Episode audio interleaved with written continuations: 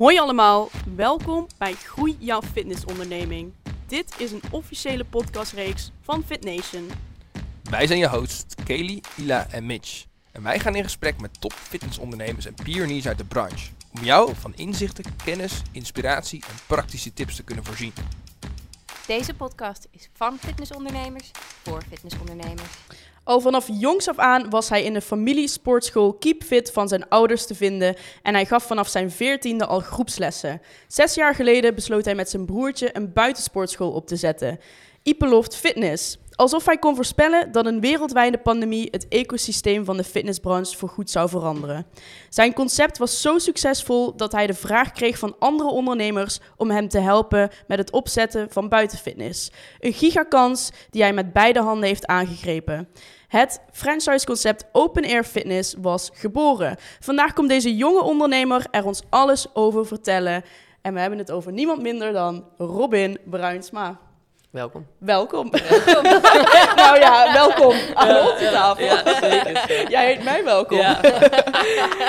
Was, het, was het een goede intro? ja, top. Ja? Zeker. Klopt het leuk. allemaal? Ja, ja, nee, echt wel. Ja. Leuk. Ja, zoals gezegd, een jonge ondernemer. Eh, volgens mij wel eh, met de paplepel ingegoten, dat fitness. Kun jij eh, ons even door je journey binnen de fitnessbranche nemen? Waar is het ontstaan? Ehm, nou ja, wat ik zei, 14. Toen stond ik voor de groep. Alles wel gedaan. Step, spinning, pilates. Niet mijn beste ding, moet ik eerlijk zeggen. nee, dan word je weer gewoon voor de leeuwen gegooid, omdat Ja. we dan eh, geen instructrice hadden. Ehm, ja, dat was ik toen met 14. Toen op mijn 15, 16 begonnen we een beetje onze eigen trainingstijlen te ontwikkelen. Kregen we ook de ruimte voor. En toen daarna iets totaal anders gedaan. Dus toen heb ik eh, International Business Management gestudeerd. Want ze zeiden, nou ja, dan, wij leren je het sporten wel. En dan, eh, dan doe jij maar iets anders. Mhm. Met een specialisatie in finance. Want ik vind eh, cijfers eigenlijk wel heel interessant. Ehm, vanuit daar producten gaan ontwikkelen. Dus we hebben ooit een eh, hypermobiel gewichtsvest ontwikkeld. Die je in groepslessen kon toepassen. Ehm, vanuit daar samenwerkingen met onder andere Gymbiz. Om eigenlijk sportscholen helemaal in te richten. Maar meer op advies. Dus in plaats Ja. van dat je dingen pusht, producten, meer kijken van wat heeft nou de sportschool-eigenaar echt nodig. En dan Mhm. vooral met unieke producten werken. Blazepot of bijvoorbeeld een eh cardiolijn die energie terugstuurt naar je pand. Dat vond ik eigenlijk wel heel vet. Ja, dat, dat doe je nog steeds, ja, ja, ja, dus wij werken nog steeds samen. Ehm, iets, iets meer op de achtergrond. Maar als ik inderdaad nog vragen krijg van sportschoolhouders, dan eh, kan ik er nog wel over sparren. En eh, het voordeel is, en dat is altijd al geweest, dat ik heb nooit targets gekregen. En doordat ik geen targets had, was het eigenlijk altijd wel een heel vrijblijvend gesprek. Eh, vanuit daar liep ons concept daarnaast een beetje liep al door. Wij kregen toen de ruimte om een nieuwe investering te mogen doen eh, vanuit onze sportschool Keep Fit. Ja, Omdat, en we is jij en je broertje. mijn broertje, ja, ja, ja, die is drie jaar jonger dan ik ben inderdaad. Hij was toen 17 ik, of, of 18, ik was 21. Ik kwam net terug van Madrid, had daar gestudeerd en ook veel buiten getraind. En eh, toen zouden we eerst het dak op gaan, alleen allemaal gezeik met de buren. Dus het is niet geworden, maar eigenlijk het idee wel blijven hangen. En toen zeiden ze, nou, wat, hier is een stuk investering. Ja, Zet het concept maar op, bedenk maar de ideeën. En toen eigenlijk vanuit daar ook gezegd, nou, we, omdat mijn moeder ook toen al, nou, ik denk al twintig jaar in het vak zat, moesten we het wel echt even onder een eigen brand doen. Want anders werd het weer een aanhangsel gezien van onze bestaande sportschool. ja. Dus toen hebben we echt gezegd, nou, eigen website, eigen team, eigen trainingen, eigen locatie. En eh, alles in groepsles, alles in community. Eh, dat was altijd wel onze, ja, onze doel geweest, om het ook een beetje in een community te doen. Mhm. Nou, en dat liep eigenlijk wel heel goed. En dat liep eigenlijk wel heel steady. En toen ondertussen gewoon overdag bezig geweest met andere sportschoolhouders. En vanuit daar kwam eigenlijk wel dat heel vaak de vraag van... nou, hoe doe je dat nou? Want je zit nu hier.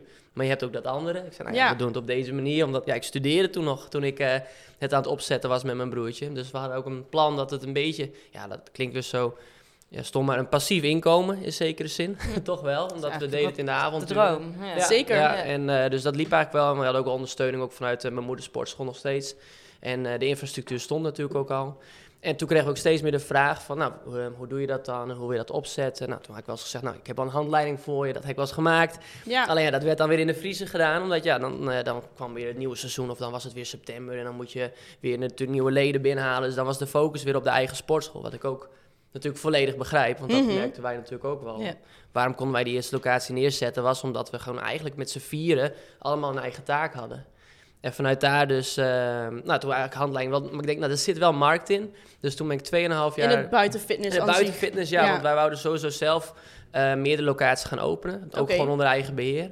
En daardoor waren we sowieso aan het kijken naar hoe kunnen we nou dingen schaalbaar maken. Hoe kunnen we zorgen dat we niet constant eh, dezelfde kosten weer maken.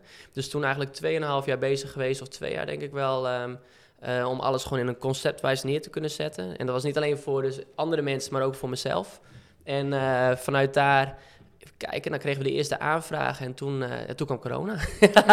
ja, want ik wilde net zeggen, dit is Ja, allemaal ja. pre-corona. Ja, ja, dit was allemaal... Ja, Had ze een glazen bol? Ja, ja, ja, ja, eh, ja, dat had ik ook niet verwacht. Nee, dus Nee. ehm, dat was heel raar. Nogmaals, en dat, want ik krijg die vraag wel, want inderdaad, het is, eh tuurlijk, het is mooi. Het was of mooi dat we die kans hadden en dat het zo ging.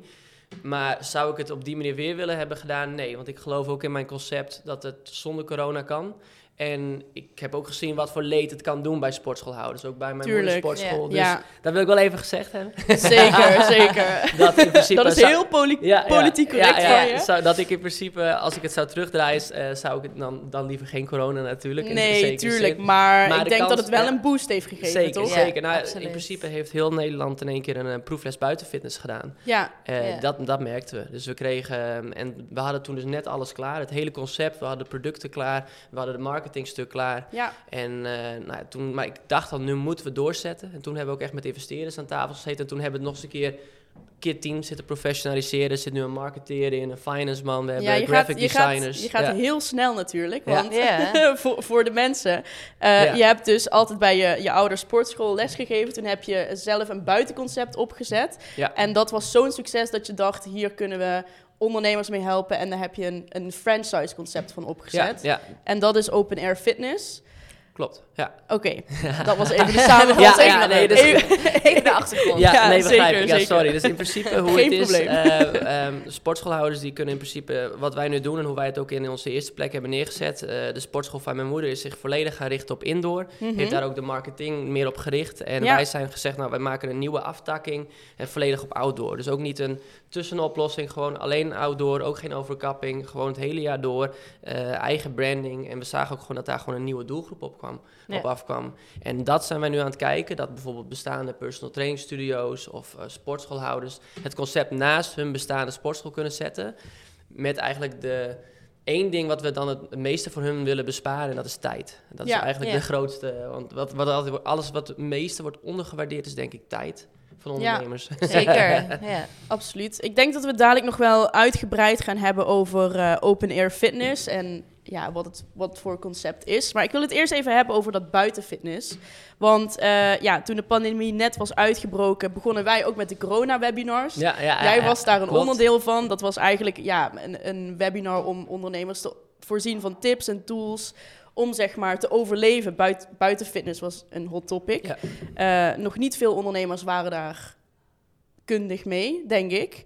Eh, en jij deed het natuurlijk al jaren. ehm, dus vandaar dat we jou als gast hadden. Maar ik ben heel benieuwd waarom jij ooit bent begonnen met buitenfitness. Eh, want jij zag wel een gat in de markt. Ja, hoe is dat ons? en Ja, eigenlijk het idee. ehm, ja, ik vond, ik heb toen in Madrid gewoond en daar heb ik, en daar heb je zo'n Park Retiro heet dat volgens mij. En ik heb daar ook wel veel calisthenic gedaan. En eigenlijk ook het stomme dat we gewoon heel toevallig zeiden van, nou, mogen we, we mogen het dak op, dus waarom gaan we niet gewoon een Mhm. verdieping omhoog? En dat bleef toen zo erg hangen van, maar waarom gaan we dan niet gewoon volledig outdoor? En eh, ja, zo is het eigenlijk heel klein begonnen. En toen zeiden we, maar waarom gaan we het dan niet doorzetten in een concept? En de dingen die nou, bijvoorbeeld een, een nadeel van nu is dat een sportschool 24/7 moet open zijn. Ja. En dan wil jij een nieuwe sportschool neerzetten, dan zul je al snel al heel veel uren moeten aanbieden. En omdat dit concept er nog niet was en wij studeerden nog, konden we het een beetje fijn knijden hoe we het zelf wouden. Er zat ook wat minder druk op. Mhm. We hadden de infrastructuur natuurlijk al staan vanuit onze sportschool. Dus ehm, dat, dat was eigenlijk het, grootste het grootste voordeel. Ja, de instap was gewoon makkelijk. Ja. Eh, het was een leuk idee. We konden daardoor eh, ervaring doen in het ondernemerschap. Dat vond ik, ik was natuurlijk nog maar 21. en mijn broertje Ja. was 17, weet je. Ja. Dus ja, weten wij veel. ja, is wel zo. En, eh, en we hebben natuurlijk ook wel veel fouten gemaakt. Hoor. Ook zeker die eerste jaren, ook met producten die dan niet buiten werkten en uiteindelijk wel. Ehm, dingen getest van waarom ga je, want de vraag die ik ook krijg, waarom doe je niet aan vrij trainen? Waarom gooi je die locatie niet gewoon 24/7 open? Is gewoon, het is niet de juiste groep. Het is niet, mensen denken we gaan de hele sportschool leegtrekken. Dat is absoluut niet het geval. Het is echt een, een nieuwe groep die vroeger bijvoorbeeld eerst voetbalde en die niet naar de fitness toe wil, maar die eigenlijk nog wel iets met krachttraining wil doen, maar door blessures bijvoorbeeld niet meer, Ja, eh, Ja. niet meer, niet meer kan voetballen. Ja, want hoe moet ik me dat voorstellen, hoe het zeg maar uitziet? Want je hebt buitenfitness en je hebt buitenfitness. Ik bedoel, bootcamp is ook buitenfitness. Ja. Dat is veelal met lichaamsgewicht of een kettlebell hier en daar. Ja, maar ja, ik denk dus- dat het bij jullie wel anders uitziet. Ja, dus zes jaar geleden, we moesten natuurlijk ook inderdaad een beetje gaan kijken hoe gaan we het aankleden. Nou, als je keek zes jaar geleden was er helemaal nog niet echt veel met buitenfitness. Dan had je eigenlijk twee dingen. Je had eh, klim en klauteren in survivalbanen, obstakelbanen en je had bootcamp. Ja. En bootcamp werd eigenlijk heel erg gezien als een groepsles bij de sportschool.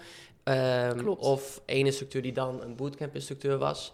En dat was altijd een mengelmoes van heel veel onderdelen. Daar had je een stukje hardlopen, eh, je had een, inderdaad een kettlebelltje bijvoorbeeld of zo. En je had een eh, stuk conditietraining. En je had een soort van spelelement. En Ja. de gedachtegang vroeger was, als je maar gewoon zoveel mogelijk onderdelen in één training doet, dan vindt iedereen het leuk. Mhm. Maar ja, wat ik al eerder zei, van als jij een eh knieblessure hebt, dan kijk je op tegen het hardloopstuk. En baal Ja. je dat het niet op één centrale plek is. En loop je Mhm. altijd weer achteraan. Iemand die echt, eh, of die bijvoorbeeld wat overgewicht heeft, die vindt het vervelend dat ongeveer 50% van de les met eigen lichaamsgewicht is. Ja. Maar iemand die echt komt om resultaten neer te zetten, ja, die zit niet te wachten om iedere keer die dobbelsteen te moeten gooien, voordat überhaupt Harry eens een keer een oefening heeft gedaan. Niemand Dus dan, is eh, echt 100% tevreden. Nee, nee dus, je, dus inderdaad, je zult een groep vinden die die mengelmoes leuk vindt, maar dat is dan ook eigenlijk je enige groep. En toen Ja. hebben we ook gezegd, we moeten dat helemaal opsplitten. Echt iedere gekeken welke doelgroepen zouden wij zelf willen benaderen. Nou, en vanuit daar hebben we gezegd, oké, nou, we moesten toen de tijd wel een survivalbaan neerzetten, omdat ja, het was nog echt helemaal niks met buitenfitness. Eh maar we hebben ook gezegd, we gaan alleen in die plek eh, klimmen en klauteren. Toen hebben we eigenlijk eh, de hitles, nou die kennen veel sportschoolhouders wel, high intensity intervaltraining Ja. in circuitvorm. Ehm, dat hebben we eigenlijk, hoe moet ik het zeggen, proberen met altijd nieuwe onderdelen. Dus 70% van de eh, les bestaat ook uit materiaal. Echt met, eh, van barbell Oké. tot dumbbells tot kettlebells tot de dingen die net op de markt zijn. We gingen ook ieder jaar weer naar de FIBO om de nieuwste dingen te introduceren. Net nog geweest. Ja, ja, precies. ja, ja, ja, we hebben ook weer leuke dingen gekocht. Dus ja. Oké, nou heel leuk. Ja, zeker. En, ehm, en doordat we die echt gewoon inkleden van, nou, je gaat erheen, 45 minuten rammen en je gaat weer weg. Ja. Het is gewoon full body, kracht, conditie. Ehm, dus dat was echt wel een eigen doelgroep. En Ja. dat maakt En- het ook wel weer innovatief. Want innovatief en buitensport zijn niet per se dingen die je bij elkaar zou denken. Nee. Nee, zeker niet. Nee, nee, het, eh, het heeft veel stilgestaan de afgelopen zes jaar. En het heeft inderdaad een soort van curve gekregen van hier tot Tokio door het hele eh, corona gebeuren. Hm. Ehm, maar nog steeds, wat je dus wel... Nou, nu ga ik weer van hut naar her, merk ik met de onderwerpen. Is oké, wij Maar- sturen je wel. Ja, ja, ja. Nou, kijk, wat, wat gebeurde is in principe, de sportschoolhouders moesten naar buiten. Ja. En, en dat is in principe logisch, want dan kon je ook je abonnementen door laten zetten. Je kon daardoor hoefde je hem niet op hol te zetten of te bevriezen, want je bleef wat aanbieden. Daarom was streamen en buitenfitness ook zo belangrijk. Want Ja, dan Ja. kon- hoefde je minder maanden dicht, kon je langer, nou, dan bespaarde je gewoon aardig wat geld. Want ja, Tuurlijk, ja. Ja. het, het was, juridisch gezien moest je gewoon iets aantonen dat je wel service blijft leveren, zolang je, als je in de coronatijd, anders Ja. kon je het abonnement niet doorzetten. En mensen wilden ook gewoon Ja, fit mensen blijven wilden gewoon zijn. trainen, inderdaad. Ja, ja, Ja, zeker. precies. En zie, wij zijn in, en daar kwam natuurlijk wel de kracht dat eh, we zijn gewoon, wij zijn heel weinig leden kwijtgeraakt in onze sportschool, ook van mijn moeder. Want we hebben gewoon alle lessen toen de tijd naar buiten gedaan in een soort van samenwerking.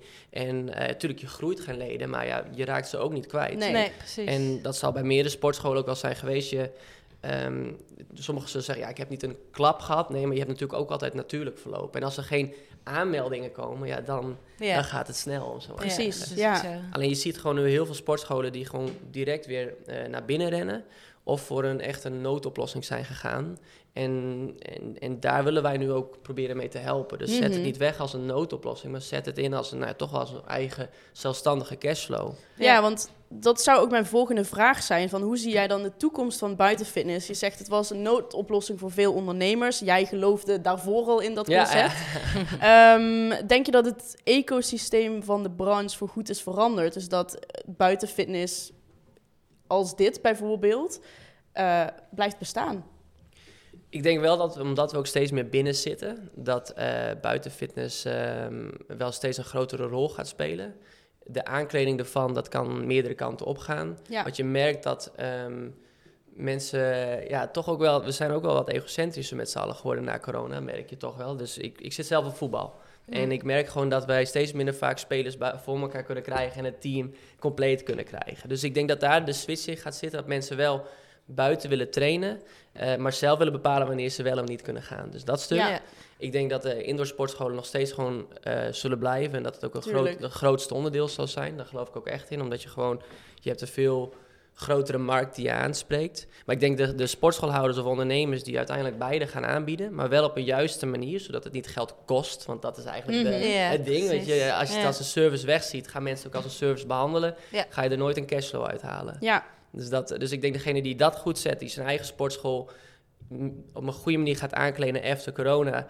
En juist een buitenconcept ernaast neerzet. Ja, ik denk dat die, eh, dat, dat de toekomst is, ja. De driehoek geloof ik nog steeds in. Dus in principe online, streaming, dat je daar gewoon service aanbiedt. Een indoor sportschool die gewoon blijft innoveren. Dus dat ook in Ja. de tijd van nu, dat ze nog wel blijven marketing doen. Blijven eh, ja, innovatieve producten toevoegen.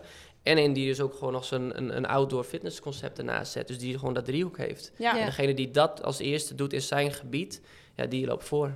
Ja, dat Ja. geloof ik ook wel. Ja. En ik denk ook dat de mindset van de sporter heel erg is veranderd. Ja, klopt. Ja. Ehm, Buitenfitness was eerst iets wat veel mensen ja, toch wel een beetje eng spannend vonden. Vooral in, in winterperiode. Het regent, het Ja, sneeuwt, ja, het is ja, ja. koud. En het was nooit, nooit iets positiefs eigenlijk. nee, Nee. nee, Alleen als het echt niet anders kon. nee, precies. Maar ja, ze hebben daar nu dus van geproefd. Eigenlijk een soort van eh, verplicht of gedwongen. Ja, Mhm. En het blijkt achteraf toch wel iets, iets te zijn waar heel veel mensen toch wel erg lekker op gaan. Ja, Ja. nee, zeker. Ja. Ja, dus dat is wel eh, een, een mooie eh, ja, verandering in de branche, denk ik. Eh, zo zie je maar dat het altijd blijft veranderen. Ehm, ja, je gaf het zelf al aan. Met eh, open air kunnen ondernemers een extra verdienmodel creëren. Eh, ik ben heel erg benieuwd naar het concept. Je hebt net al een beetje erover verteld. Ja, ja, ja. Eh, ja, het concept zelf. Dus wat voor soort trainingen, wat voor soort lessen, de pricing, maar ook daarna het, het franchise gedeelte, hoe dat is opgezet. Laten we beginnen bij hoe het eruit ziet. Ja. Eh, ik ben een klant en ik kom bij een open air fitness locatie. Ja, dus en, ehm, wij hebben in principe, wij richten ongeveer 250 tot 300 vierkante meter richten wij in. Eh, wij hebben daar een speciale sportcontainer eh, voor laten ja, produceren of ontwikkelen. Ehm, daar wordt met twee componenten goed bespoten, zodat die ook echt weer bestendig is. Wij hebben een speciaal rig laten ontwikkelen die verzonken is en gecoat. Je kunt zeggen, nou, wat maakt het uit? Nou, als jij een eh coatinglaag, als jij je barbel op, eh, en dat zullen de sportschoolhouders misschien die hier luisteren wel begrijpen, dan als jij je J-hooks of je barbel, dan ga je altijd beschadiging krijgen. Ja, Ja. En er er bestaat outdoor coating. Ja, ik deed aanhalingstekens. Maar, maar eh, out- dan moeten outdoor coatingen wel op blijven zitten. En dat zal er uiteindelijk wel weer afgaan. Dus Ja. wij hebben gezegd, wij maken het eerst verzinken. Net zoals dat straatlantaarnpalen, dat die eh, ook verzonken zijn. En dan pas doen wij de coatinglaag. Dus wanneer de coatinglaag alsnog beschadigt, zal hij alsnog niet gaan roesten. En we hebben eigenlijk zo'n, nou, heel kort, we hebben een model gebouwd dat je, eh, wij lassen niet aan de container. Dus je kunt daardoor het hele model ook gewoon de hele container weer verplaatsen naar een andere plek toe. Mhm. Eh, dus je hoeft geen gebouw neer te zetten. Dus hij behoudt zijn transportrecht. Dus, eh, en daarnaast hebben we een speciale outdoor floor. Dus een outdoor rubber die goed water doorlaat. Het zijn echt tegels van 35 kilo per stuk. Die niet gaan kruimelen door de UV-straling. En aan binnenin helemaal ingericht. Dus we hebben van, 40 kilo van tot en met 40 kilo dumbbell sets. Barbelstangen. We hebben eh, nou, alle type functional trainingsmateriaal. En daar komt ook ieder jaar weer nieuwe dingen in, om zo maar te Ja, zeggen. ja. Want dat is waar wij voor staan. En, ehm, dus hij is volledig ingericht met eh, adjustable bench, alles zit erin en erop. En eh, zo ingericht dat je hem voor je small group kan doen, maar ook gewoon uiteindelijk naar 20, 30 of als het moet 40 eh, mensen.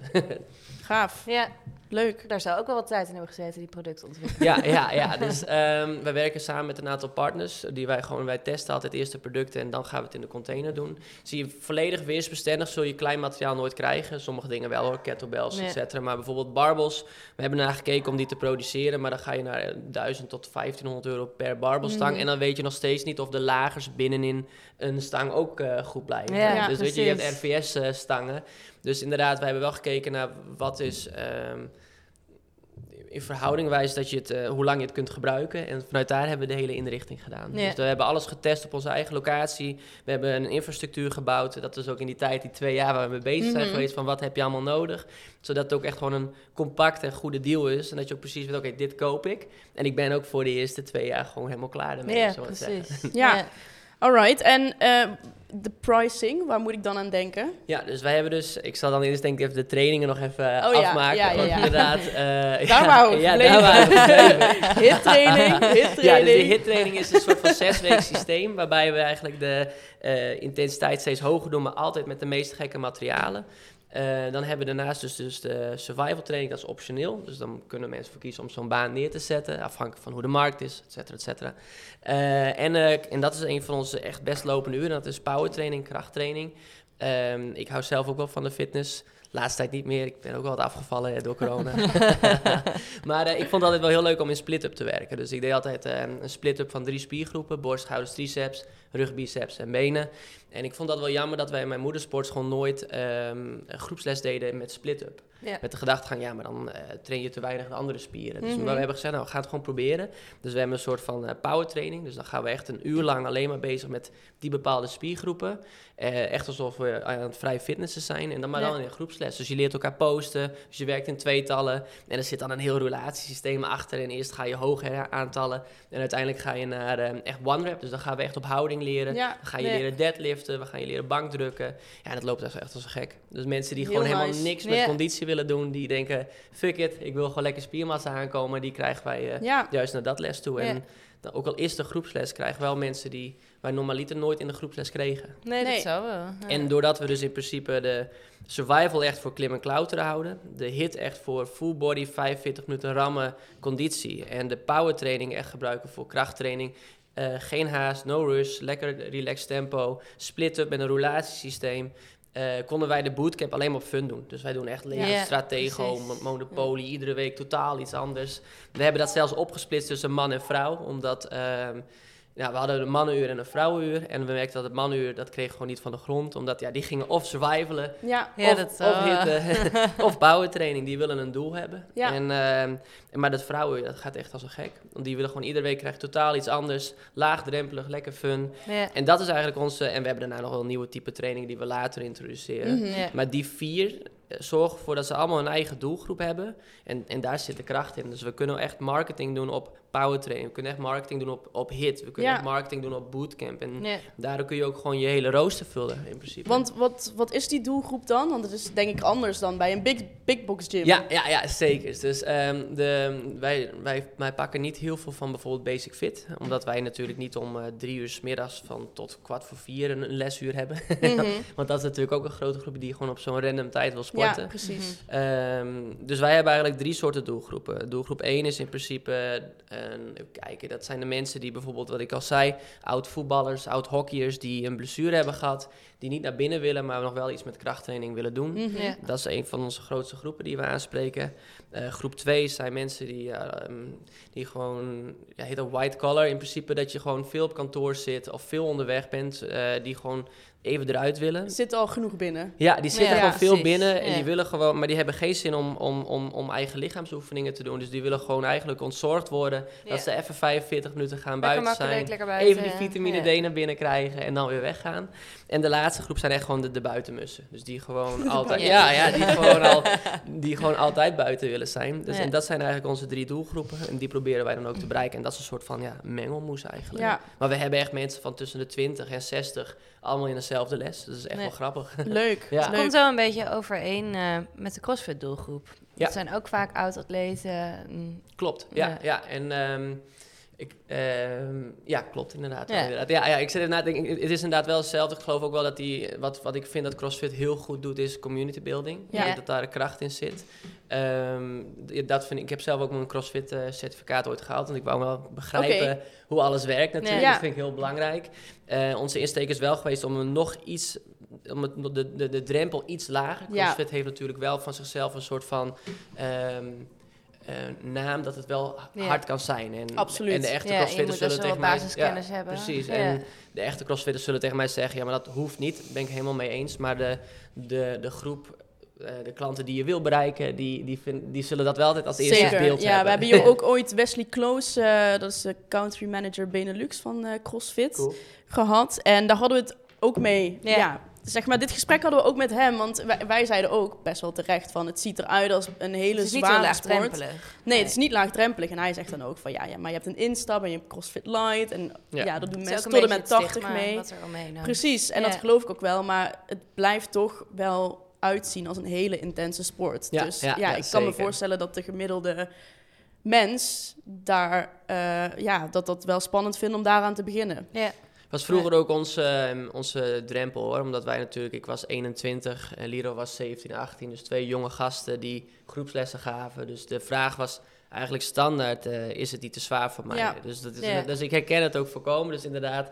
Ehm, maar ja, dat- het, het hele idee hoe zij die community doen, die, die branding en zo, ja, dat vind ik wel heel sterk hoe Mhm. CrossFit dat Ja. doet. Ja. Want Ik denk voor die community, ja, jij zei net ook al van ja, we, het, zijn, het is echt wel gericht op groepslessen, Ja. dus het is niet individueel trainen. Nee. Maar hoe trek je dat idee van de community dan nog verder door? Ja, we doen, eh, al onze lessen zijn volledig gebouwd in duo-systeem of in trio-systeem. Dus dat je, je sport eigenlijk nooit alleen. De instructeur deelt ook de groepen in, dus wij mengen het ook gewoon in. Dus het, ook als je in je eentje komt, word je Mhm. gewoon bij iemand ingedeeld. Eh, wij hebben daar ook dan als instructeurs zijn er dan zeggenschap over, over wie bij wie gaat. Dus we gooien het soms ook helemaal in. Ja. Eh, wij doen kwartaal-events, dus wij doen barbecues, we doen ja, volleybaltoernooien, eigenlijk you name it, om eigenlijk die community te houden. En dus absoluut geen vrij trainen. Wij, Ja, wij geloven precies. echt in dat we alleen groepslessen doen. En dat heeft twee voordelen. Effectiviteit van je uren, dus je personeelskosten, je infrastructuur is natuurlijk veel ja, kleiner. Mhm. Eh, en ten tweede mensen die, eh, je bent een stok achter de deur voor de mensen. Ja, En dat helpt Ja. ook wel echt. Ja. Absoluut. Nou, het klinkt alsof je het eh, goed hebt uitgedacht allemaal. Ja, het Ja. staat als een, als een huis. Ehm, dus ja, je hebt daar een franchise-model van gemaakt. ja, ja. Hoe ziet dat uit? Ehm, nou, als volgt. Ik, ehm, ik geloof altijd dat je moet eh, delen om te vermenigvuldigen. En zo hebben we eigenlijk ons hele concept ook de, doorontwikkeld. Dus dat Mhm. hebben wij op twee manieren willen wij dat aantonen. Eh, eh, manier één, wij participeren om de zoveel tijd ook weer in een eigen locatie. Om te laten zien dat we het niet alleen voor hun moeten doen, maar ook voor onszelf alles. Mhm. Mhm. Ehm, en punt twee is dus, wij werken in een no-cure, no-pay systeem. Dus wij groeien eigenlijk met de locaties mee. Dus hoe werkt het? Ehm, wij zetten de complete... In principe werken wij in een driehoeksmodel. Mhm. Waarbij dus, ehm, wij doen dan de exploitatie, dus wij zetten alles neer. Wij, doen, eh, wij, we helpen ook met de vergunningen, we helpen met de infrastructuur neer te zetten. En die persoon, de investeerder slash ondernemer, en dat is dus meestal een, sp- een, sportschoolhouder of Mhm. een eh, personal trainer of een studio. Die wordt echt 100% eigenaar van het bedrijf. Oké. Dus als je bijvoorbeeld Amsterdam zou hebben, zou het dan Open Air Amsterdam hebben. Mhm. Nou, die persoon die krijgt dan ehm, daar in principe de eigenaar, die wordt dus eigenaar van het bedrijf. En wij leveren de exploitatie aan. Dus wij zetten alles neer. Eh, wij helpen met de financieringsaanvraag. Wij, eh, wij doen de marketing. Wij leveren de training aan. En in principe in dat driehoek heb je dus hij als eigenaar. En daarna heb je dus in principe het management plus team. Dus er wordt in principe eh, de persoon die eronder zit, die gaat eigenlijk de token ook runnen alsof het zijn eigen is. Een beetje hoe ik toen ik 20 was en de kans kreeg om met een investeerder. Dus ik, wij lenen de investering in principe van onze ouders. Ja. En mochten het wel runnen als onszelf. En wij werden ondersteund van bovenaf eigenlijk op die manier. En dat willen we hier ook mee creëren. Dus dat in principe een jonge gast die kan dan die locatie runnen als zijn eigen. Mhm. Die, eh, die ondernemer die, heeft, die kan op zijn, zijn stuk focussen. En wij ondersteunen aan twee kanten. Dus aan deze kant gaan wij die nieuwe manager helpen met de trainingen, met eh, de operationele dingen. Ja. En met hem ga ik vooral aan tafel zitten met, eh, met de financiën en al dat soort dingen. En dat doen wij allemaal maar voor maar 400 euro. ja, klinkt heel stom, maar in principe onze vaste... Dat kan niet alles zijn. Nee, nee. Wat is het addertje? Ja, nou ja, dus wat ik zei, dat is het no cure, no pay. Dus wij doen dus de marketing, de trainingen, de, de, de administratiesystemen, alles bouwen wij eh, Mhm. voor 400 euro en 3 euro per lid. Dus wij groeien eigenlijk met je mee. Ja. Dat is een beetje de gedachtegang dat in principe eh, wij hebben zelf zo'n 200 plus leden nodig om überhaupt dan zo'n locatie interessant voor ons te maken. Ja. Mhm. Ehm, dus daar werk ik ook naartoe. Dus dat, Ja, en, en hij kan dan naar de 300 Ja. toe gaan. Eh, dat is een beetje waar we naartoe willen gaan. Mhm. Maar daardoor heb je wel een gezamenlijk doel. En dan heb- daar zit ook die maandelijkse evaluatie. Want dan kunnen we weer een uitdraai doen. Oké, we hebben nu zoveel leden. Ja. En dan vanuit hier. En dus voor zo'n ondernemer is het interessant. Want die kan daarna bijvoorbeeld weer een nieuw driehoekje gaan creëren met ons. Ja. Mhm. En zonder dat het hem heel veel tijd kost eigenlijk. En wij hebben een gezamenlijk doel. En dat is natuurlijk, hij is blij als we 300 leden hebben. En wij zijn blij als we 300 leden Ja. hebben. Precies, ja. Dat is eigenlijk de gedachtegang. En zijn dit dan vaak ondernemers die, al een- die hebben al iets in de fitness of die stappen er nieuw in? Nee, de grootste groep die wij nu spreken, eh, wat, wat, wat ik merk, wat corona heeft gedaan dan meer vanuit het sales, is dat er eigenlijk drie groepen zijn ontstaan. Eén groep die redelijk ehm, op dit moment ehm, ja, blamed eigenlijk, die blamed society en die, die baalt van wat er allemaal is gebeurd. En die- Mhm. En dat geloof ik ook, hè. die hebben natuurlijk grote klappen gehad. Ja. Ja. Dat is groep 1 en die, nou, die, die, zijn niet, die kan je niet bereiken eigenlijk. Nee. Dan heb je één groep die in principe wel interesse heeft, maar die wil eerst weer terugkrabbelen op waar ze zitten. Ja. Maar die willen dan nog niet de stappen weer opnieuw nemen met herinvesteringen. En als laatste heb je, en dat is een groep die, die neemt nu sportscholen ook over van anderen. Die gaan nieuwe concepten introduceren. Die doen nieuwe marketing. Die pakken echt hun kansen. pakken echt hun kansen aan. En die de echte groep... ondernemers eigenlijk. ja, dat is, ja, Ja. eigenlijk wel. En, en die groep, ehm, ja, die ziet dit wel zitten. Die, die, die heeft een kans. Die weet, oké, ik kan er mooi op mijn sportschool blijven focussen. Eh, die andere die jongens, die gaan gewoon voor mij een, een extra concept neerzetten. Ik kan daar op lange termijn een passief inkomen uit Ja, want dat is het inderdaad. Jullie beloven eigenlijk een passief inkomen. klopt. Want eh, ja, hoe moet ik dat dan zien? Waar, hoe kunnen ondernemers dat extra verdienmodel creëren? Want je gaf het net ook al aan, je moet het loshalen van je Ja. eigen sportschool, toch? Ja, wat vaak gebeurt is dat mensen het als een service aanbieden. Dus dan Ja. bijvoorbeeld een outdoor les wil aanbieden. Of dat ze een rek tegen hun, hun sportschool aanzetten bijvoorbeeld. Eh, Precies, zie je En veel. dat ze een, een extra les doet. Eh, dat is natuurlijk super. Alleen ten eerste, het, het kost je dan alleen geld. Want het is, je kunt er niet echt een losstaand abonnement, omdat het net niet genoeg is voor een eigen abonnement. Ja. Ja. Dat is eigenlijk. Want je doet dan één, twee uurtjes per week of zo, misschien drie. En als je het wel los wilt trekken, dan gaan mensen zeggen die een all-in abonnement hebben. hey, hoezo moet ik hier extra voor betalen? Ja. En wat wij willen doen hiermee, en daarom doen we het ook onder de franchise, en dat is ehm, om twee dingen. Loka een Nederlandse branding, dus dat je ook de kracht hebt dat straks op meerdere plekken dan ook die branding zitten. Ja. Eh, en ten tweede dat mensen het ook echt gaan behandelen als iets zelfstandigs. Dat Ja. was ook het allerbelangrijkste toen wij zes jaar geleden begonnen. Ze moeten het zien als iets zelfstandigs. En dan kun je op latere termijn natuurlijk wel weer een upselling doen. Dus daarom werken we ook met een eigen website, eigen trainingsrooster, eigen virtual ook, om zo maar te zeggen. Dus dat Mhm. wordt ook losgekoppeld van de bestaande, maar er zit een soort van tussensysteem in. Maar dat Mhm. Laat me wat zien in principe. Ehm, maar ook dus een eigen team. En daarom is het ook die driehoek dat we eigenlijk gaan kijken daarna van wie gaat die locatie zijn, wie gaat het gezicht. En daar hebben wij dan ook weer modellen voor gebouwd, dat die meegroeit. Dus als je zegt van nou, als we over die 120 leden heen zitten, dan mag die manager van zo'n locatie eh, ook meedelen in een stuk van de winst. Ja, bijvoorbeeld. precies. En dan in ruil moet hij de leads bellen of moet hij eh, een event per maand eh, organiseren of moet hij echt het, de retentie bij het bedrijf houden. En Ja. Eigenlijk doordat je dan alle drie een doel hebt. En daar kan het in principe de- een, een passief inkomen worden voor die sportschoolhouder. Ja, Ja. en eh, je gaf net aan 400 euro per maand Ja, klopt. en die 3 euro per lid. Ja. Ehm, maar ja, goed, die hele locatie moet er ook Ja, komen. Dus zeker, wat moet een, een ondernemer investeren? Wat is zijn eigen inleg? ja, dus hoe wij werken, meestal ehm, doen wij in een kennismakingsgesprek, gaan wij altijd eerst een, eh, een marketinganalyse doen in het gebied. Ehm, over het algemeen zetten wij het liefst een locatie neer met meer dan 25.000 inwoners. Oké, Eh, dus hoe het dan werkt, wij worden meestal gewoon benaderd door een sportschoolhouder of een ondernemer die hier wel interesse in heeft. Eh, dan gaan we altijd face-to-face meeten. Gaan wij eerst met een marketeer, die gaat kijken hoe is het gebied, waar liggen de kansen, eh et cetera. Nou, dan doen we een kennismakingsgesprek. Dan laat ik alle prognosecijfers zien, want we hebben alles doorgerekend. Gewoon Mhm. eh, drie jaar lang alles, eh, om zo te zeggen, hoe je alles moet zien, hoe de aflossing, de de, rente, alle cijfertjes. ja, dat vind ik, ik hou van cijfers. daar heb ik finance gedaan. Nou, als dat allemaal inderdaad dan, als ze daar geïnteresseerd in zijn, dan, dan werken we eigenlijk met een intentieverklaring.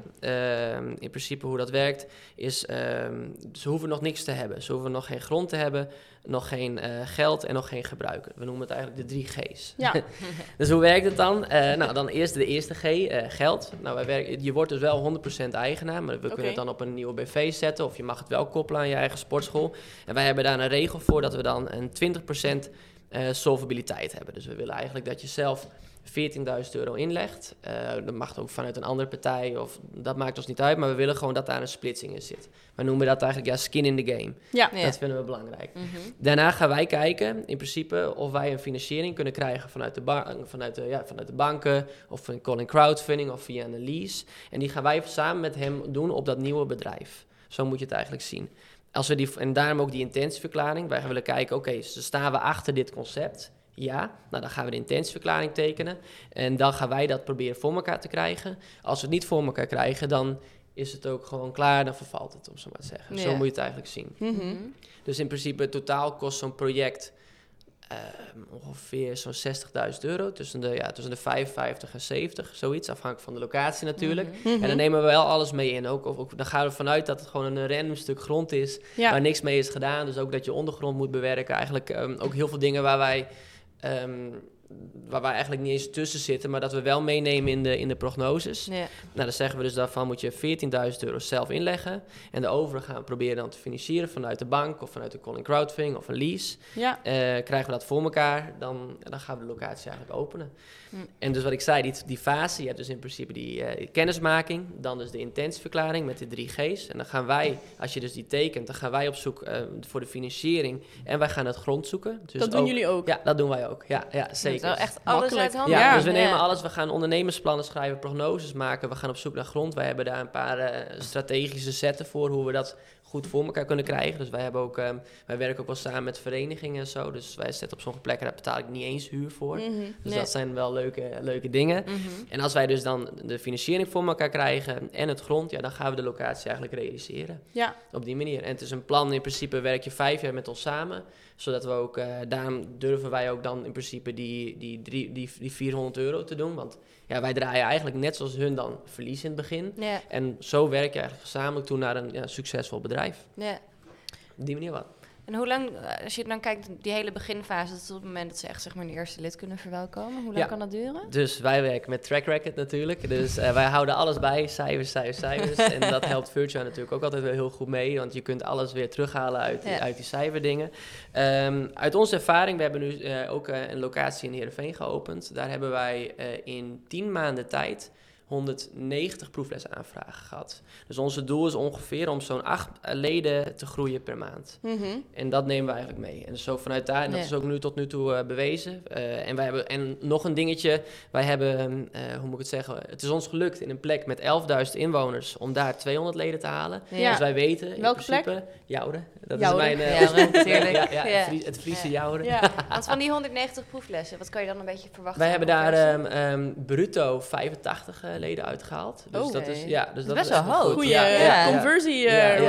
rate. En, netto zitten we nog op zo'n 75. Dus dat is gewoon, eh, je hebt natuurlijk altijd natuurlijk verloop. Dus daarom zeggen wij zeggen we altijd bruto netto. Ja. En, ehm, en in principe dus 1 op de 2,5, 3 die pakken wij of zoiets. Dus dat dan, Wauw. ja, Weet je wat dat is bij een gemiddelde sportschool? en voor mij 1 op de 5 dacht Ja, één de minder, zes. veel Ja, minder. Ja, Ja, dat ja, ja, ja, ja, zoiets. Dus dat, ja, dus dat is Ja. eigenlijk wel heel goed. Leuk. Maar ook daar helpen Ja. wij mee. Hè? Dus wij hebben helemaal strategieën geschreven voor hoe zo'n manager of zo'n investeerder daar die, die leden makkelijker binnen kan halen. Wij gaan Ja. constant nieuwe campagnes maken.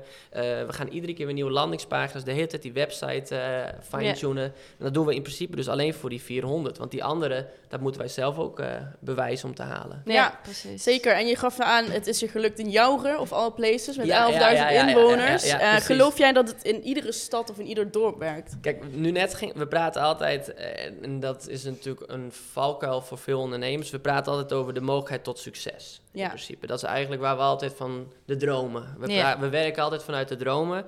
Maar als je echt gaat kijken bij een ondernemer, waar gaan ze naar kijken? Wat is mijn risico in principe? Dat is eigenlijk het belangrijkste. Wat draag ik nou eigenlijk voor risico? Nou, als je gaat kijken naar eh, in principe, als je, die, eh, als je die investering hebt, dan hoe ik altijd werk, als ik iets nieuws neerzet of als ik een nieuwe locatie neerzet voor mezelf, dan leg ik alle kosten naast elkaar in principe. Dus dan wat ik dan maandelijks ongeveer eh, qua kosten heb. En daar zet ik het ledenaantal tegenover dat ik moet halen en dan weet Ja. ik mijn break-even point. Ja. Mhm. Dus inderdaad, de 200 en 300, dat is natuurlijk superleuk. Daar wil je naartoe werken. Dat Mhm. is gewoon interessant. Maar wat ons model echt interessant maakt, is dat we een ontzettend laag break-even point hebben. Wij hebben, ehm, ehm, als je niet aflost, dus dan heb je voor je overhead hebben wij maar 78 leden nodig. Eh, met een abonnement van ongeveer 40 euro. Mhm. Ja. En als we ook nog af willen lossen, dus die hele investering in vijf jaar klaar willen hebben, dan hebben we maar 118 uit mijn hoofd nodig. Dat is niet heel veel. Nee. Nee. Dus, en als je dan gaat nakijken dat wij ongeveer acht leden per maand groeien, Mhm. betekent dat je op je overhead al binnen een jaar zit. En dus dat je in principe in anderhalf jaar tijd al gewoon je investering al aan het terugverdienen bent. Ja. En dat betekent ook dus dat hier een hele grote winstmarge in zit. Want normaal bij sportschoolhouders zitten de laatste winst eigenlijk in de laatste 10, 15 procent Ja. van je ledenaantal. Nou, bij ons zit hij dus al op zo'n 60, eh, bij, bij zo'n 70 tot 60 procent. Ja. Maar terugkomende, Ja. daar heb je dus 25.000 inwoners eigenlijk. Ja, dus wij willen, om het onszelf ook wat makkelijker te maken, laat ik het zo zeggen. Mhm. wij, wij ervaren nu dat eh, bij een 25.000 plus kunnen wij genoeg marketing doen, kunnen wij leads. Ehm, hoe moet ik, ja, nu ga ik echt van hut naar her, dus dan heb je... Maar in principe, de, eh, je hebt eigenlijk... We hebben twee soorten cashflows. ja, Heel ja, ja, ja, ja, ja, ja, maar in principe, eh, hoe, hoe moet ik het zeggen? Wij hebben echt gewoon ervaren dat als je een 25.000 eh, stad, dan kunnen wij genoeg leads zelf verzamelen. Ehm, wij gaan ervan uit dat natuurlijk een ondernemer zelf ook zijn best doet. Maar wij, als ze dat niet doen en ze kiezen er toch om wat voor reden voor om niet te gaan ondernemen en echt te gaan zitten achterover. Heel passief. heel passief te doen, dan weten wij dat met een 25.000 stad, dat wij dus ongeveer 190 proeflessen tot 200 kunnen draaien. Ja, Oké. jaar. precies. Ja. Dus dat, het is eigenlijk gewoon voor onszelf. Oké. Better safe than sorry. Ja, precies. Dus dat is voor ons. eh, en wat ik zei, eh, ons model is zo gebouwd dat wij alles in groepslessen doen. Dus we zijn ongeveer in het begin maar vijf avonden open, van ongeveer twee uur en één Mhm. eh, Betekent dat die locatie nog 40 uur stilstaat. En Ja. daar zijn Ja. gewoon echt ontzettend veel kansen. Dus je kunt met Absoluut. schoolgemeenschappen samenwerken, dat doen wij ook. Je kunt ja, dat mensen met fysio's bijvoorbeeld, dat die speciale training gaan doen. Eh zelfvertrouwende trainingen voor jeugd, om zo maar te zeggen. Mhm. Samenwerking met gemeentes. En daar vinden wij Ja. ook echt, daar zit het ondernemerschapstukje in. Ja. Dat daar, en dat is een secundaire cashflow, om zo maar te zeggen. Daar gaan wij niet van uit. Wij, wij vinden dat het model gedragen moet worden door die ledenaantal. Ja. Maar er zijn gewoon nog veel meer kansen. Ja, precies. Ja. En daar hebben we het ook al eerder over gehad in, eh, in de podcast. Volgens mij was het met Patrick Rijnbeek, weet ik niet zeker. Maar dat er gewoon heel veel kansen liggen in samenwerkingen Ja. binnen een gemeente. Inderdaad, Ja, met een voetbalclub Absoluut. of jada, jada, jada, de fysio, eh, huisartsen, et cetera. Ja, het Ja. sportakkoord helpt natuurlijk ook wel heel erg mee. Ja. Ze willen graag meer menging tussen in principe ja, commerciële partijen en, en de verenigingen. Dus Ja. een, een, een voetbalvereniging mag straks niet meer alleen bezig zijn met voetbal. Die moet Nee. met beweging en sport bezig zijn. Ja. En daar sluit dit gewoon heel erg mooi Ja, aan. daar leent jullie Mhm. locatie Ja. zich natuurlijk Ja, eh, precies. prima ja, voor. Ja, zeker. En dan de wat stedelijkere gebieden. Eh, ja, ik, we zitten hier in Hartje Amsterdam. Ja, ik kan ja, me ja, ja, voorstellen dat het moeilijk is om hier grond te vinden. Zeker. Mhm. Ehm, daarom werken we ook met die intentieverklaring. Als we het niet voor elkaar krijgen, dan vervalt het ook. En dan Ja. heb je er ook helemaal niks. Dus dan hebben wij de kosten gemaakt. Wij gaan wel kijken. Dus dat wil ik als allereerst zeggen. Je hebt geen. Voor een ondernemer die de intentieverklaring tekent, is er in principe geen risico. Want op het moment Mhm. dat wij geen grond krijgen, is het over. Dus ze hoeven niet zelf eerst een stukje grond te vinden en dan... Nee, dus wij gaan kijken voor. Het, het- we, kijk, onze meest ideale klant, wat wij natuurlijk hebben, zijn sportschoolhouders die eh, nog een, eh, bijvoorbeeld met die ook tennisvelden hebben, die hebben meestal nog wel, wel wat grond over. Dat is de Mhm. meest ideale kant. Dan kunnen Ja. wij binnen een anderhalve maand kunnen wij de locatie realiseren. Dus Ja. die, ehm, die en die hebben, die hebben natuurlijk ook geen, die hebben, die betalen al huur voor hun locatie of, of hypotheek of et cetera. Dus die hebben helemaal een lage infrastructuur. Dus die is, dat is het meest ideale. Maar als inderdaad mensen zeggen, ik wil graag zoiets neerzetten, ik wil dat het zelfstandig gaat draaien, dan helpen wij daar ook mee. En wij werken, wat wij dus ook wel doen, ook in plekken zoals Amsterdam, je hebt atletiekverenigingen, je hebt voetbalverenigingen, je hebt hockey. Ja. En daar zijn gewoon op, over het algemeen nog wel vierkante meters beschikbaar. Mhm. En de kracht aan ons model is dus, nogmaals, omdat wij dus mobiel zijn. Dus daardoor willen verenigingen ook werkelijk met ons aan tafel zitten. Want ze kunnen het verplaatsen als het moet. Ja. Dus dat is ook weer met een stukje risico. Je kunt het hele concept daarnaast, bijvoorbeeld, als zou je bijvoorbeeld 50 meter verderop moeten staan, dan kan dat wel. En dat is als je een gebouw neerzet niet. Kijk, daarom Nee. zijn verenigingen ook altijd zo allergisch om samen te werken dat er een, een, een gebouw wordt neergezet. Want dan zijn ze het voor, eigenlijk voor altijd kwijt. Ja, En doordat precies. ons model eigenlijk mobiel is, van ondergrond tot aan rubberen vloer tot aan de container, willen ze ook werkelijk met ons aan tafel zitten. Ja. Ja. Want als je dan kijkt naar, naar de locatie, eh, want je zei net iets over volgens mij 40 euro, wat, wat een lid een ja, beetje kan ja, ja, verwachten. klopt. maar bijvoorbeeld in Amsterdam, een sportschool is over het algemeen geen 40 euro. Zeker met een buitenlocatie. zeker niet. Dus pas je dat concept dan daarop Ja, aan? dus ehm, wat wij, het allerbelangrijkste wat wij vinden is in principe het sparren met de ondernemer. Daarom werken wij ook met dat driehoeksmodel. Ehm, kijk, we hadden ook gewoon zelf, net zoals Basic Fit, locaties kunnen gaan neerzetten door Nederland. Eigen beheer houden op die manier. Maar ik geloof dat een lokale ondernemer ehm, meer kan bereiken in een kortere periode dan dat wij zouden zijn van een afstand. Dat is ook Mhm. de reden waarom we het op deze manier willen doen. En een abonnement ook zo. Wij zeggen wel minimaal 40 euro, maar alles daarboven, daar heb je alle ruimte in. Maar we willen niet dat het een budget ding wordt, dat iemand Nee, zegt van voor precies. 15 Nee, euro. Ja. Want dat gaat natuurlijk weer ten koste van de naam op andere plekken. Dus wij zeggen Ja. minimaal 40 euro. Daarmee weer, dan, daarmee, dat is onze standaard. Maar als je in Amsterdam zit natuurlijk, dat die dan wat duurder is. Dan mag hij wel 80 euro Ja, zijn. Ja, ja, dat maar- zou- bijvoorbeeld. Maar dan, eh, ja, dat hangt af. En dat gaan we allemaal in analyses. We gaan dan marktonderzoek doen. We kijken gewoon alles in de je prognoses. die eh, soft En spot dan, eh, vinden. ja, precies, ja. sweet spot. Ja. Ja, top. Eh, hoeveel locaties hebben jullie nu? We zitten nu op drie locaties en we hebben voor komend jaar tussen de nu al vijf à zes zeker die we gaan plaatsen. Ja, je weet mijn volgende vraag inderdaad al. Ja. Wat is de ambitie? Ja. Waar gaan jullie Ja, naartoe? ja, kijk, nou, we zijn eigenlijk, wat eigenlijk onze, onze hoofddoel wil worden is, we zijn, op- toen we dus die corona kwam en we hebben die investering gedaan, hadden we in, in, in één maand tijd 50 aanvragen door heel Nederland heen. En dat waren projectontwikkelaars, dat waren sportschoolhouders, dat waren PT'ers. Alleen nog heel erg met de visie van, ehm, dus op dat moment. Het was een heel erg, Mm. op dat, en dus ja, dan kun je twee dingen doen. Je kunt een beetje de action worden van het buitenfitness, weet je, gewoon containertjes schuiven, et cetera. Ja. Snel cashen, dat soort dingen. Maar daar doe ik mijn eigen familiebedrijf natuurlijk ook eh ten Ja. gronde mee. En dat is Mhm. het laatste wat ik wil. Ehm, dus toen hebben we eigenlijk gezegd van... Ik moet even kijken waar ik zat. Ja, toen hebben we eigenlijk gezegd, we doen een stapje terug. We gaan nu kijken naar eigenlijk eh, key franchisehouders. Ik denk dat dat de beste woordkeuze is. Dus Mhm. die, dan gaan we dit jaar tussen de 6 en 10 ongeveer maximaal neerzetten. En die krijgen ten eerste exclusiviteit van hun stad... Maar ook het eerste recht op alle aanliggende steden. Want wat eigenlijk wat ik wil, is dat ik nu een ondernemer ga vinden die echt wil gaan ondernemen. Die denkt van, nou, ik ga nu in mijn in Zuid-Holland of in, eh, we hebben dus nu iemand gevonden die in, bijvoorbeeld in Limburg het misschien wil gaan doen. eh, die dat gewoon Leuk. uiteindelijk dan de komende jaren zijn hele gebied wil maken. Ja, dus meer precies. regionaal. Ja. eh, en Dat is voor die- jullie ook veel beter. ja en, Ja. dat- ja, en ik geloof ook dat die persoon dan ook dat gebied kan aansturen. En daar zijn we nu naar op zoek. Dus we kijken nu ongeveer zo'n tien partners die allemaal zo'n eigen stad krijgen. Maar ook aanliggend ook nog de ruimte hebben. Mhm. En dat we dan met hun de komende ja- jaren eigenlijk meerdere locaties Want gaan binnen een bepaald gebied mag er ook maar eentje komen, Ja, dus aan, in een stad, eh, we doen sowieso met een stad exclusiviteit. Dus ja. degene die, ehm, als, als jij een intentieverklaring bij ons tekent, dan stoppen wij sowieso met marketing in dat gebied.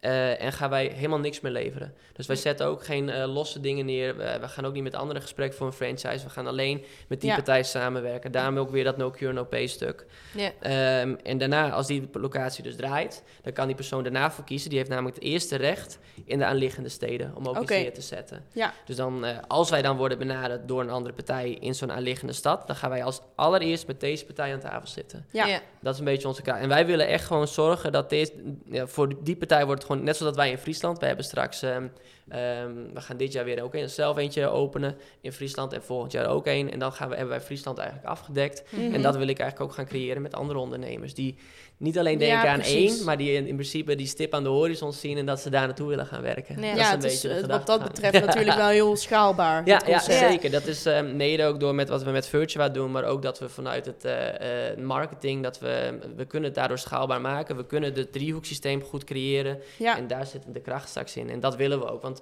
inderdaad, dat, ook uit die 40, ik heb nu veel betere gesprekken met echte ondernemers op dit moment, dan dat ik daarvoor had, die eventjes een snelle ja, noodoplossing was het Ja, eigenlijk meer. precies. Ja, oké. Ja. Hey, en eh, stel ik ben een ondernemer die nu luistert en denkt, nou, dit klinkt als muziek in mijn oren. Dit is wel iets eh, wat bij mij past. Wat, eh, wat moeten ze doen?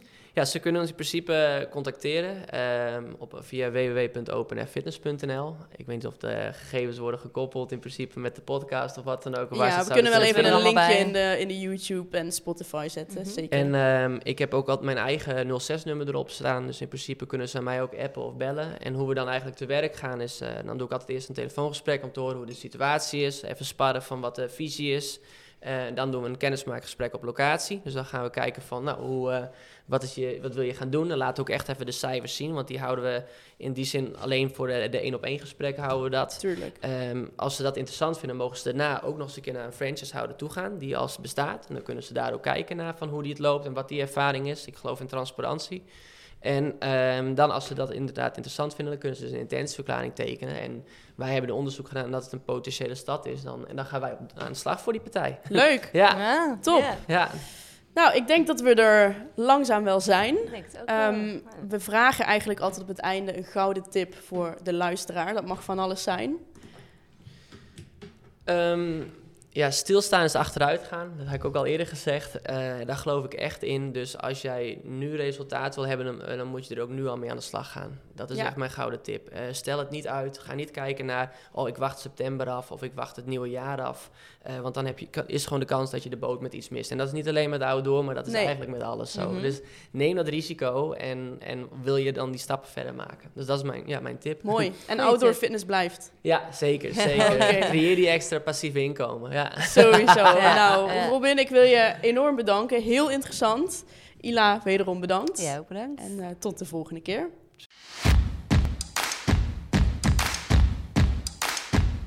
Bedankt voor het luisteren. Ben je geïnspireerd geraakt? Abonneer je dan op ons kanaal en deel het met collega's en vrienden. Zo kunnen we meer fitnessprofessionals helpen.